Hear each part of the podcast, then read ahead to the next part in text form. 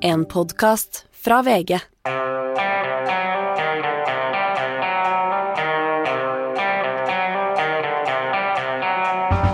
Hadia Tajik går eh, av som statsråd. Eh, SV er delt i spørsmål om våpen til Ukraina, og VGs team reiste ti timer med tog fra Kiev for å komme til Romania. Dette er Gjever og gjengen. Det er onsdag den 2. mars.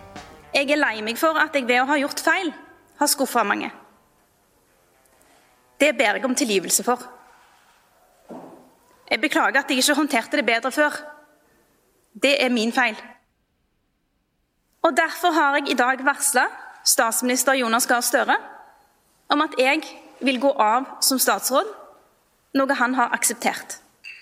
Ja, det var eh, Hadia Tajik klokka to i ettermiddag i eh, Marmorhallen her i eh, Oslo. Og Tone Sofie, når vi hører opptaket bare sånn på lyd, så, så syns jeg liksom at hun høres litt beveget ut. Men opplevelsen min Jeg var, var til stede i, i Marmorhallen, og, og, du fulgte det på TV. Opplevelsen min var at dette var veldig langt fra noen knukket kvinne.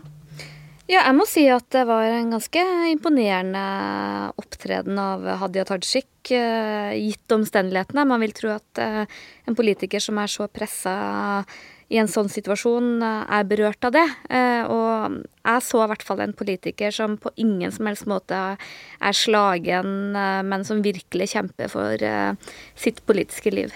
Hun delte jo liksom opp denne her i, tre deler. Hun snakket vel først da om hva hun hadde oppnådd politisk, og der vet hun at hun har en god standing innad mot, mot fagbevegelsen og i det hele tatt som, som arbeidsminister.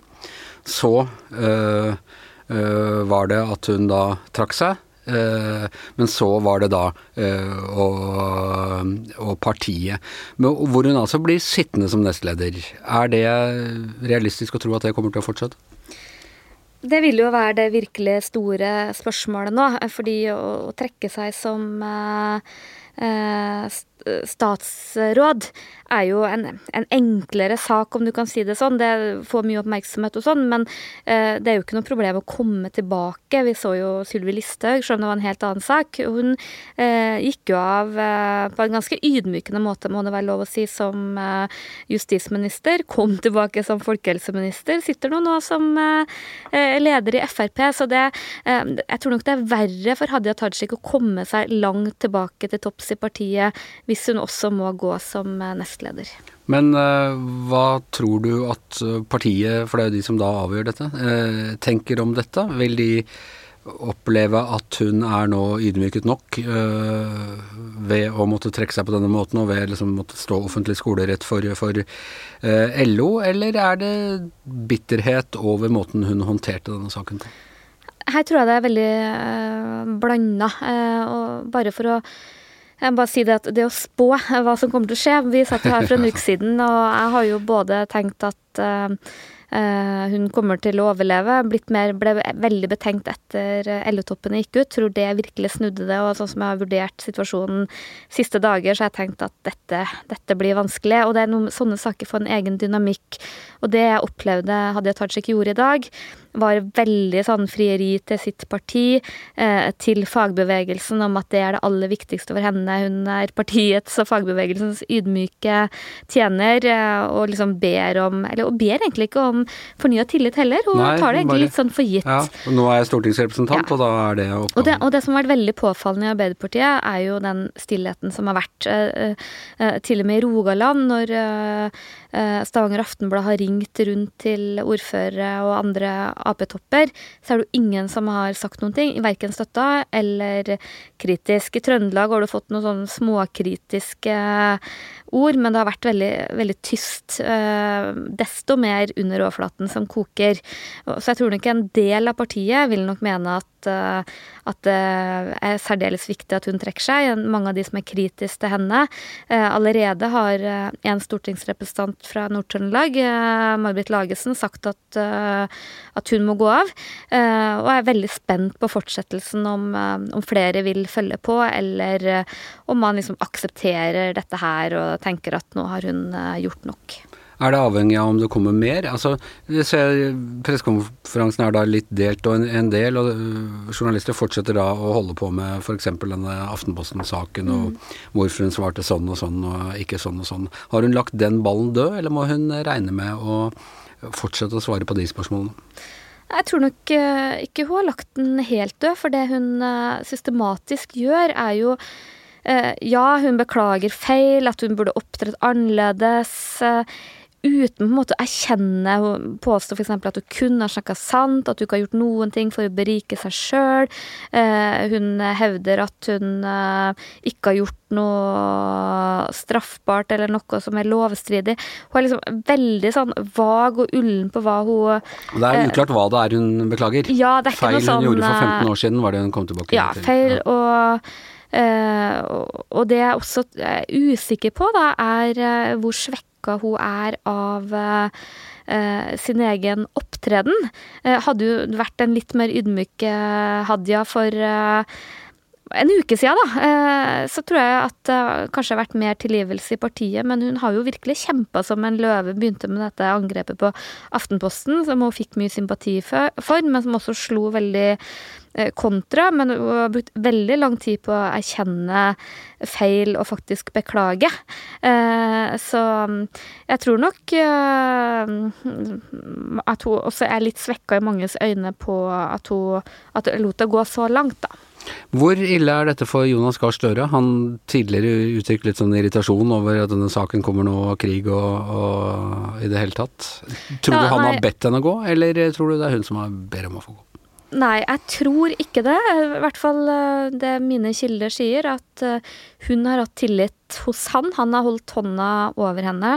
Eh, Sjøl om mange har litt som LO uttrykt at dette må han ta større på alvor. Jeg tror det handler om flere ting. Det handler helt åpenbart om verdenssituasjonen, hvor jeg tror Jonas har liksom hele sitt hode og liksom tenker at her skal vi eh, løse dette, ikke holde på med sånne eh, små ting. Men det blir også litt sånn når Raymond Johansen sier at vi kan ikke snakke om sånne ting når det er eh, krig i verden, så blir også det veldig rart. For det her er jo en sak, og en alvorlig sak. Så det har nok vært en irritasjon over at han ikke har håndtert det. Jeg tror nok hun har hatt en ganske høy tillit hos han. En veldig viktig person for partiet. Jeg tror det som gjør det ekstra vanskelig å ta i den saken, er de konfliktene som har vært knytta til uh, Giske mot Hadia Tajik. At det, det, ligger fortsatt og ulmer mye ondt blod, som jeg tror han også er veldig redd for å pirke i. Og så kan man si veldig mye om Jonas Gahr Støre sine styrker. En av hans svakheter er nok håndtering av uh, betente og vanskelige personalkonflikter. Men uh, hvis Altså, det må et ganske stort opprør til i partirekkene da, for at hun skulle presses ut av nestlederrollen? Jeg tror dette LO-situasjonen uh, gjorde det uh, egentlig helt umulig. Enten, enten, måtte Hadia gå, eller så måtte LO gå, på en måte. fordi, ja. Jo, men fordi det, det, de var så tydelige på, var at for å gjenoppbygge den tilliten, så måtte hun gjøre to ting. Det var jo egentlig det de sa. Det var dokumentere reell pendling og dokumentere utgifter. Så så vi jo det intervjuet hun ga. la seg litt mer flat, beklaga litt mer, antyda noe beløp uten å kunne huske. Men hun, nå kommer jo også flere saker som viser at pendla kanskje ganske lite, og, og, ikke klarer å dokumentere. Så enten så hadde jo på en måte LO-toppene stått der avkledd og bare mente dere ikke det her, da, eller sto dere ikke inne for det her? Eller eh, For hun har jo ikke levert på deres krav. Så, så jeg tror nok det egentlig har vært eh, det avgjørende. Så tror jeg nok også Men er det greit for LO at hun er nestleder, da? Det er jeg usikker på. Eh, jeg, tror ikke at det liksom er så personlig, eller eh, Vanskelig å si. For, det som jeg opplever eh, Mange vil nok spekulere i motiv, men det, det virkelig vanskelige for de er at det gjelder ett sett regler for apetopper og ett sett regler for uh, vanlige folk. Og særlig etter den store Nav-skandalen. Absolutt. Og, og, hver gang en politiker gjør en feil, så kommer man jo sånn Dette ville man ikke akseptert om det hadde vært Og da holder det ikke at du var 23 år og kryssa feil skjema og ikke forsto. Men jeg tror nok også at Hadia Tajik sjøl, hun har jo vist at hun uh, hun er jo en glitrende kommunikator, og alt hun har gjort av sånn Facebook-oppdateringer og sånn, viser jo at det er ikke noen tilfeldigheter hva hun liksom legger ut, hvilke ord hun bruker, hvilke bilder hun bruker. Jeg tror nok også hun må ha sett Eh, nå at med nye saker som kom fram, at hun har eh, eid to boliger i Rogaland, selv om det ikke er ulovlig eller noe som helst, så er det med å, bygge et bilde av henne som er utrolig vanskelig å snu, da. Så hun erkjente vel det sjøl også. Hvem overtar etter henne? Veldig godt spørsmål. Er det noe jeg har tenkt veldig lite på de siste ukene, så er det hvem som kan bli nye statsråder. Jeg ville jo ikke blitt overraska om det har blitt en form for en rokade innad i regjeringa òg, da. Det er jo en veldig Det er et viktig, viktig departement. Veldig viktig eh, departement. Det finnes jo en nestleder til i Arbeiderpartiet. Jeg vet ikke om eh, Bjørnar Skjæran har ambisjoner. Samtidig vil jeg tro at her vil man ha en person som har tyngde, erfaring. Vestlandet vil man jo tenke på. Nå er det et par av statsrådene som allerede er ganske skadeskutte. Tror ikke man setter Marte Mjøs Persen inn i Arbeidsdepartementet med sånn som hun har slitt uh, i høst. Sånn, um, så det Trond Giske? ja, nei, jeg skulle kanskje ikke lese så høyt. Det, ja, bare fordi jeg er overrumpla deg litt? Ja, det er overrumpla. Nei, jeg tror nok ikke det er en uh, ledig plass uh, for han der heller, men um, det blir jo interessant å følge med på, og jeg tror jo er det siste Jonas Gahr Støre hadde lyst til å bruke hodet sitt på nå, så er det jo å pønske ut nye statsråder. Men du, apropos hva politikerne må bruke hodene sine på. hele denne krigen i Ukraina har skiftet om på mye, hele den geopolitiske situasjonen. Også litt det politiske norske landskapet. I går satt altså SVs eh, landsstyre i møte for å finne ut om de skulle støtte regjeringen i å sende våpen til Ukraina, et eh, land i krig utenfor Nato-alliansen, og dermed et brudd på det som har vært en norsk tradisjon, i hvert fall må vi kunne si, siden 1959. Eh, Nå vedtok SV at de ikke skulle støtte det, men med nesten knappest mulig flertall, og med Audun Lysbakken på den tapende part. Mm. Han, gamle marxisten som alle var så redd for skulle Kommunisten, faktisk. Kommunisten skulle avvikle børsen og, litt av hvert, og her er han altså en, får man si, en pragmatisk sosialdemokrat. Skjer det noe i eh, på venstresiden nå når det gjelder eh, tilknytning til eh, Eller hvordan man føler på det internasjonale ansvaret? Ja, vet du, jeg tror at uh, veldig mange av disse idealistiske synspunktene som man har hatt Eh, ikke bare i sikkerhetspolitikken, kraftpolitikken òg, tror jeg virkelig en, uh, får seg en virkelig reality-sjekk uh, i disse dager. helt åpenbart i SV, jeg tror det handler om den våpensalgssaken, men også om synet på Nato, og at det skulle være så knepent mindretall i SV som eh, stemte ned dette med å, sende våpen. Det er jo noe som virker jo helt utenkelig for det gamle SV, som jo er eh, Det er jo bygd rett og slett på Nato-motstand og, og, kritikk av uh, Arbeiderpartiets utenrikspolitikk, så Men vi hadde jo en situasjon også da under Balkankrigene og sånne mm. ting, hvor SVs landsmøte mm Eh, støttet en eh, invasjon. Så det er jo Det, og det skapte jo også veldig store sår i SV den gang. Men jeg tror nok eh, det vi nå ser i SV er I mange år så har jo det her vært en litt sånn teoretisk debatt. Det har ikke vært så mye sånn man må ta stilling til.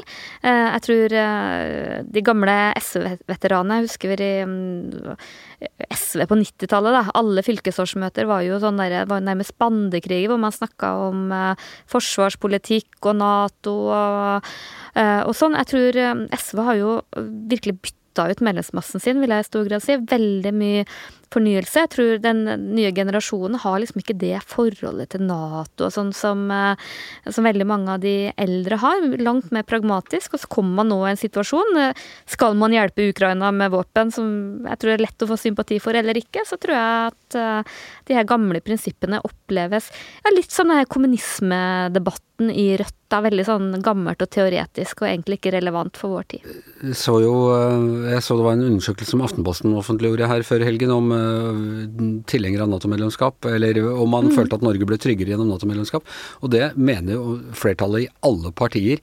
Og selv i Rødt var det 48 nesten Mm. halvparten, som altså mente det, og dette var tatt opp i høst. Jeg vil tro at, at den pendelen har, har flytta seg litt der òg.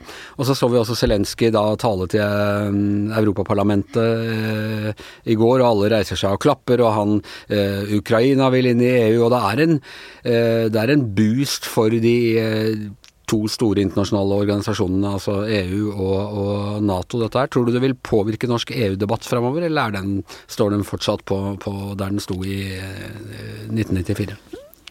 Ja, eh, det, det er jeg veldig spent på, fordi um, eh, Bare for å ta Nato først, så tror jeg liksom at det har vært en veldig sånn SV har jo vært veldig pragmatisk på det. Vi er mot Nato, men vi, vi vet at det der eh, Det taper vi i en regjeringsforhandling, så vi, liksom, vi nevner det for, for å få syns skyld, men eh, man går ikke all in på det. Det er litt det samme som med Senterpartiet og EØS. Det er litt som at Kirken må tro på jomfrufødsel, selv om de Ja. ikke gjør det.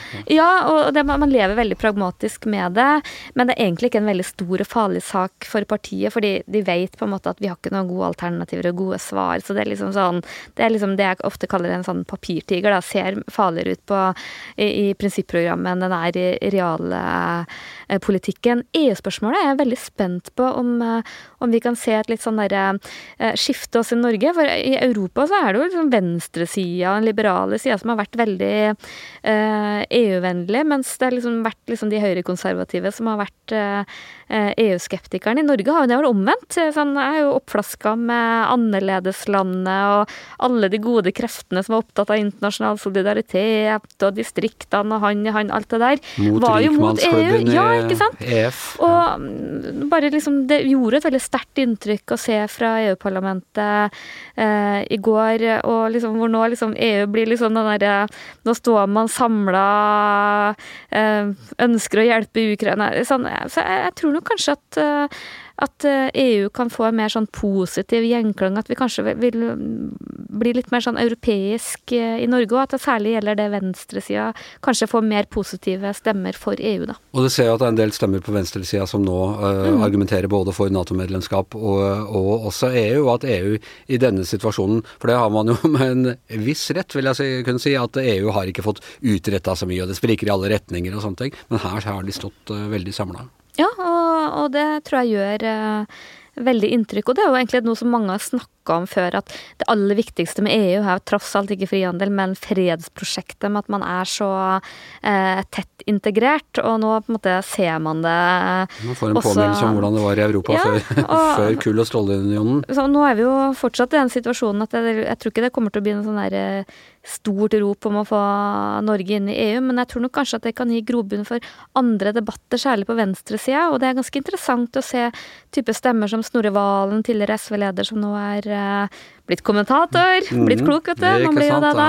man blir så klok av å bli kommentator. som eh, mener på en måte at eh, venstresida må rett og slett eh, begynne å restarte sine tanker om sikkerhetspolitikk og utenrikspolitikk, og, og finne nye svar som passer i en ny tid, da.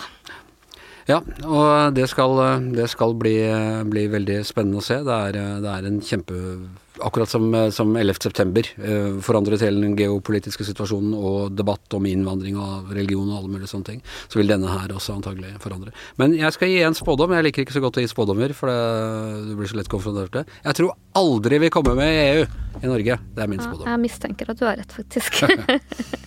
Ok, da passer det bra å, å snakke med noen av de som virkelig vet eh, litt om hva denne krigen dreier seg om. Eh, VGs eh, team, Amund Bakkefoss, Kyrre Lien og Harald Henden, de eh, har vært i Kiev hele denne uka, eller vært i Ukraina hele denne uka hvor krigshandlingene har pågått. Og Harald, da vi snakket med deg forrige uke, så var dere ennå i Kiev, men der er dere ikke lenger.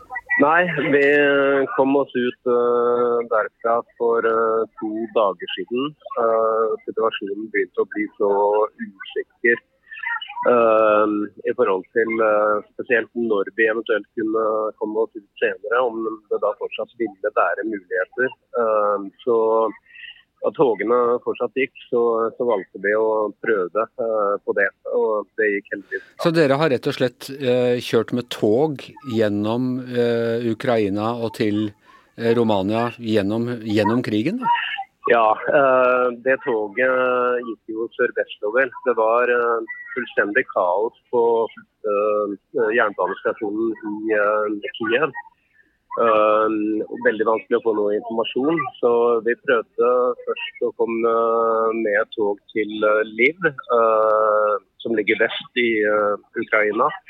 Og eventuelt prøve å krysse grensen over til Polen. Men det toget var fullt før vi i det hele tatt var i nærheten av dørene. Og nå forlanger de ikke billetter heller, de bare fyller opp togene til de er smekkfulle, rett og slett. Så da vi ikke kom oss på det, så valgte vi bare å vente på samme plattform uh, og posisjonere oss litt bedre der. Vente til det kom et uh, tog til. Uh, og det viste seg å gå sørover til Kamatsja, som er en by som ligger en del mil fra grensen til Romania. Og Det toget kom vi oss på, og med god hjelp hjemmefra det warroomet som var satt opp uh, av Skipsted. Så fikk vi også logistikkhjelp, uh, så vi fikk et sted å overnatte. Og kjørte deretter uh, videre mot grensen. og så fikk vi hjelp av en romansk diplomat som plukket oss opp i en by som ligger en uh, halvannen time fra grensen. Og Ved hans hjelp så kom vi oss veldig lett over grensen til Romania. Hvor lang tid tok denne togturen? Togturen uh, i seg selv tok ca. ti timer. Vi var fremme på klokken ett uh, på natten. Natt til i går. Og overnattet på et delvis nedlagt sykehjem, rett og slett. Og kjørte der igjen kjørte fra, fra det sykehjemmet klokken ni i går morges. Og var fremme i Romania på ettermiddagen. Så dere noe fra, fra, toget av type krigshandlinger eller ting som viste at landet var i krig? Ja, Det vi så var stor, gruppe med ukrainske soldater uh, ved en uh, jernbanestasjon ved et jernbanespor. Med pansrede kjøretøyer uh, lastet på et tog som så ut som de var på vei til Kiev for å forsterke forsvaret av byen. Og Hvordan var liksom forholdene på toget? Jeg går ut fra at det var, var fullt, men var, ja, var, det panikk? Var det eh, Nei, det var ikke noe panikk. Eh, de som eh, var om bord var jo glade for å komme seg ut av Kiev. Um, og stemningen var egentlig veldig god. Og det var jo rørende, rett og slett. For de takket jo opp i all elendigheten oss for å har vært der og fortelle uh, hjem hva, hva, som var i ferd med å skje i Kiev. Så uh, det var, var, en spesiell togtur. Og de du snakket med, hvor, hvor, hvor, skal, hvor, var de på vei? Hvor håpet de å, å komme? Det, det, visste de ikke. Det var jo mange som hadde gjort det samme som oss. Bare benyttet første mulige anledning til å komme seg om bord på et tog. For det var så kaotisk på togstasjonen at med en gang det begynte å gå et rykte om at det gikk et tog til liv fra et annet togspor, så begynte folk å løpe i, i togsporene uh, for å komme seg til den plattformen de trodde det skulle gå fra. Så mange gjorde det samme som oss, tok bare et tog som gikk i riktig retning, enten mot uh, uh, Moldova, Romania eller Polen. Så uvissheten for mange av de som var om bord, var jo veldig stor. Du har jo dekket krig og konflikt og, og katastrofer for, for, VG i veldig mange år, eh, Harald. Hvordan har du opplevd eh, denne situasjonen? Er dette en av de vanskeligste?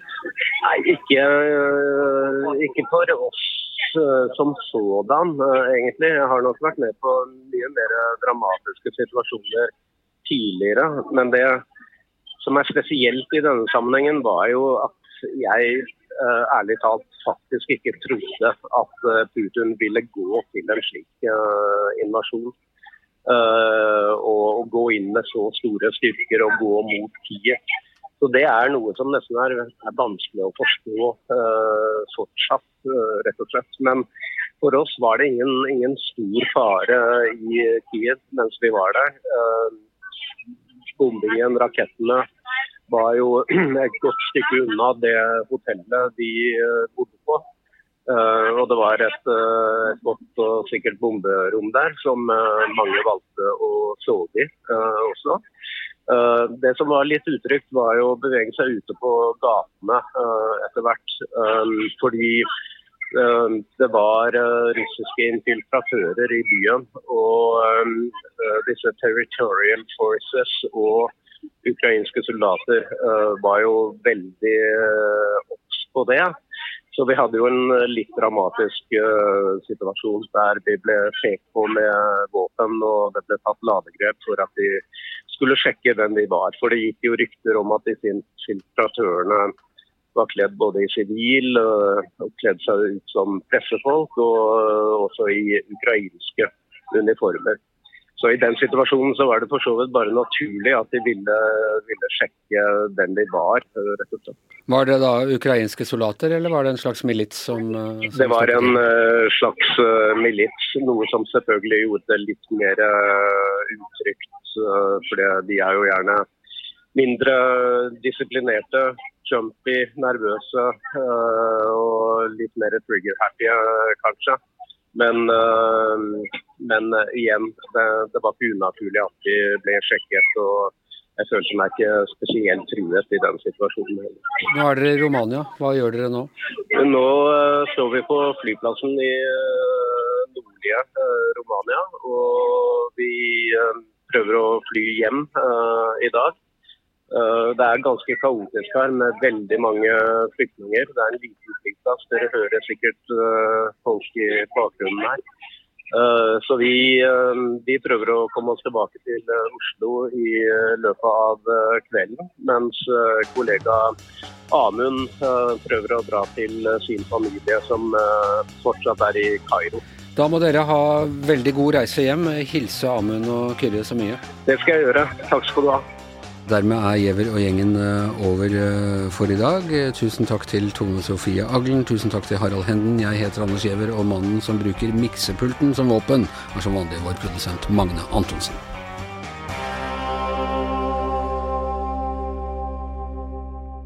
Du har hørt en podkast fra VG. Ansvarlig redaktør, Gard Steiro.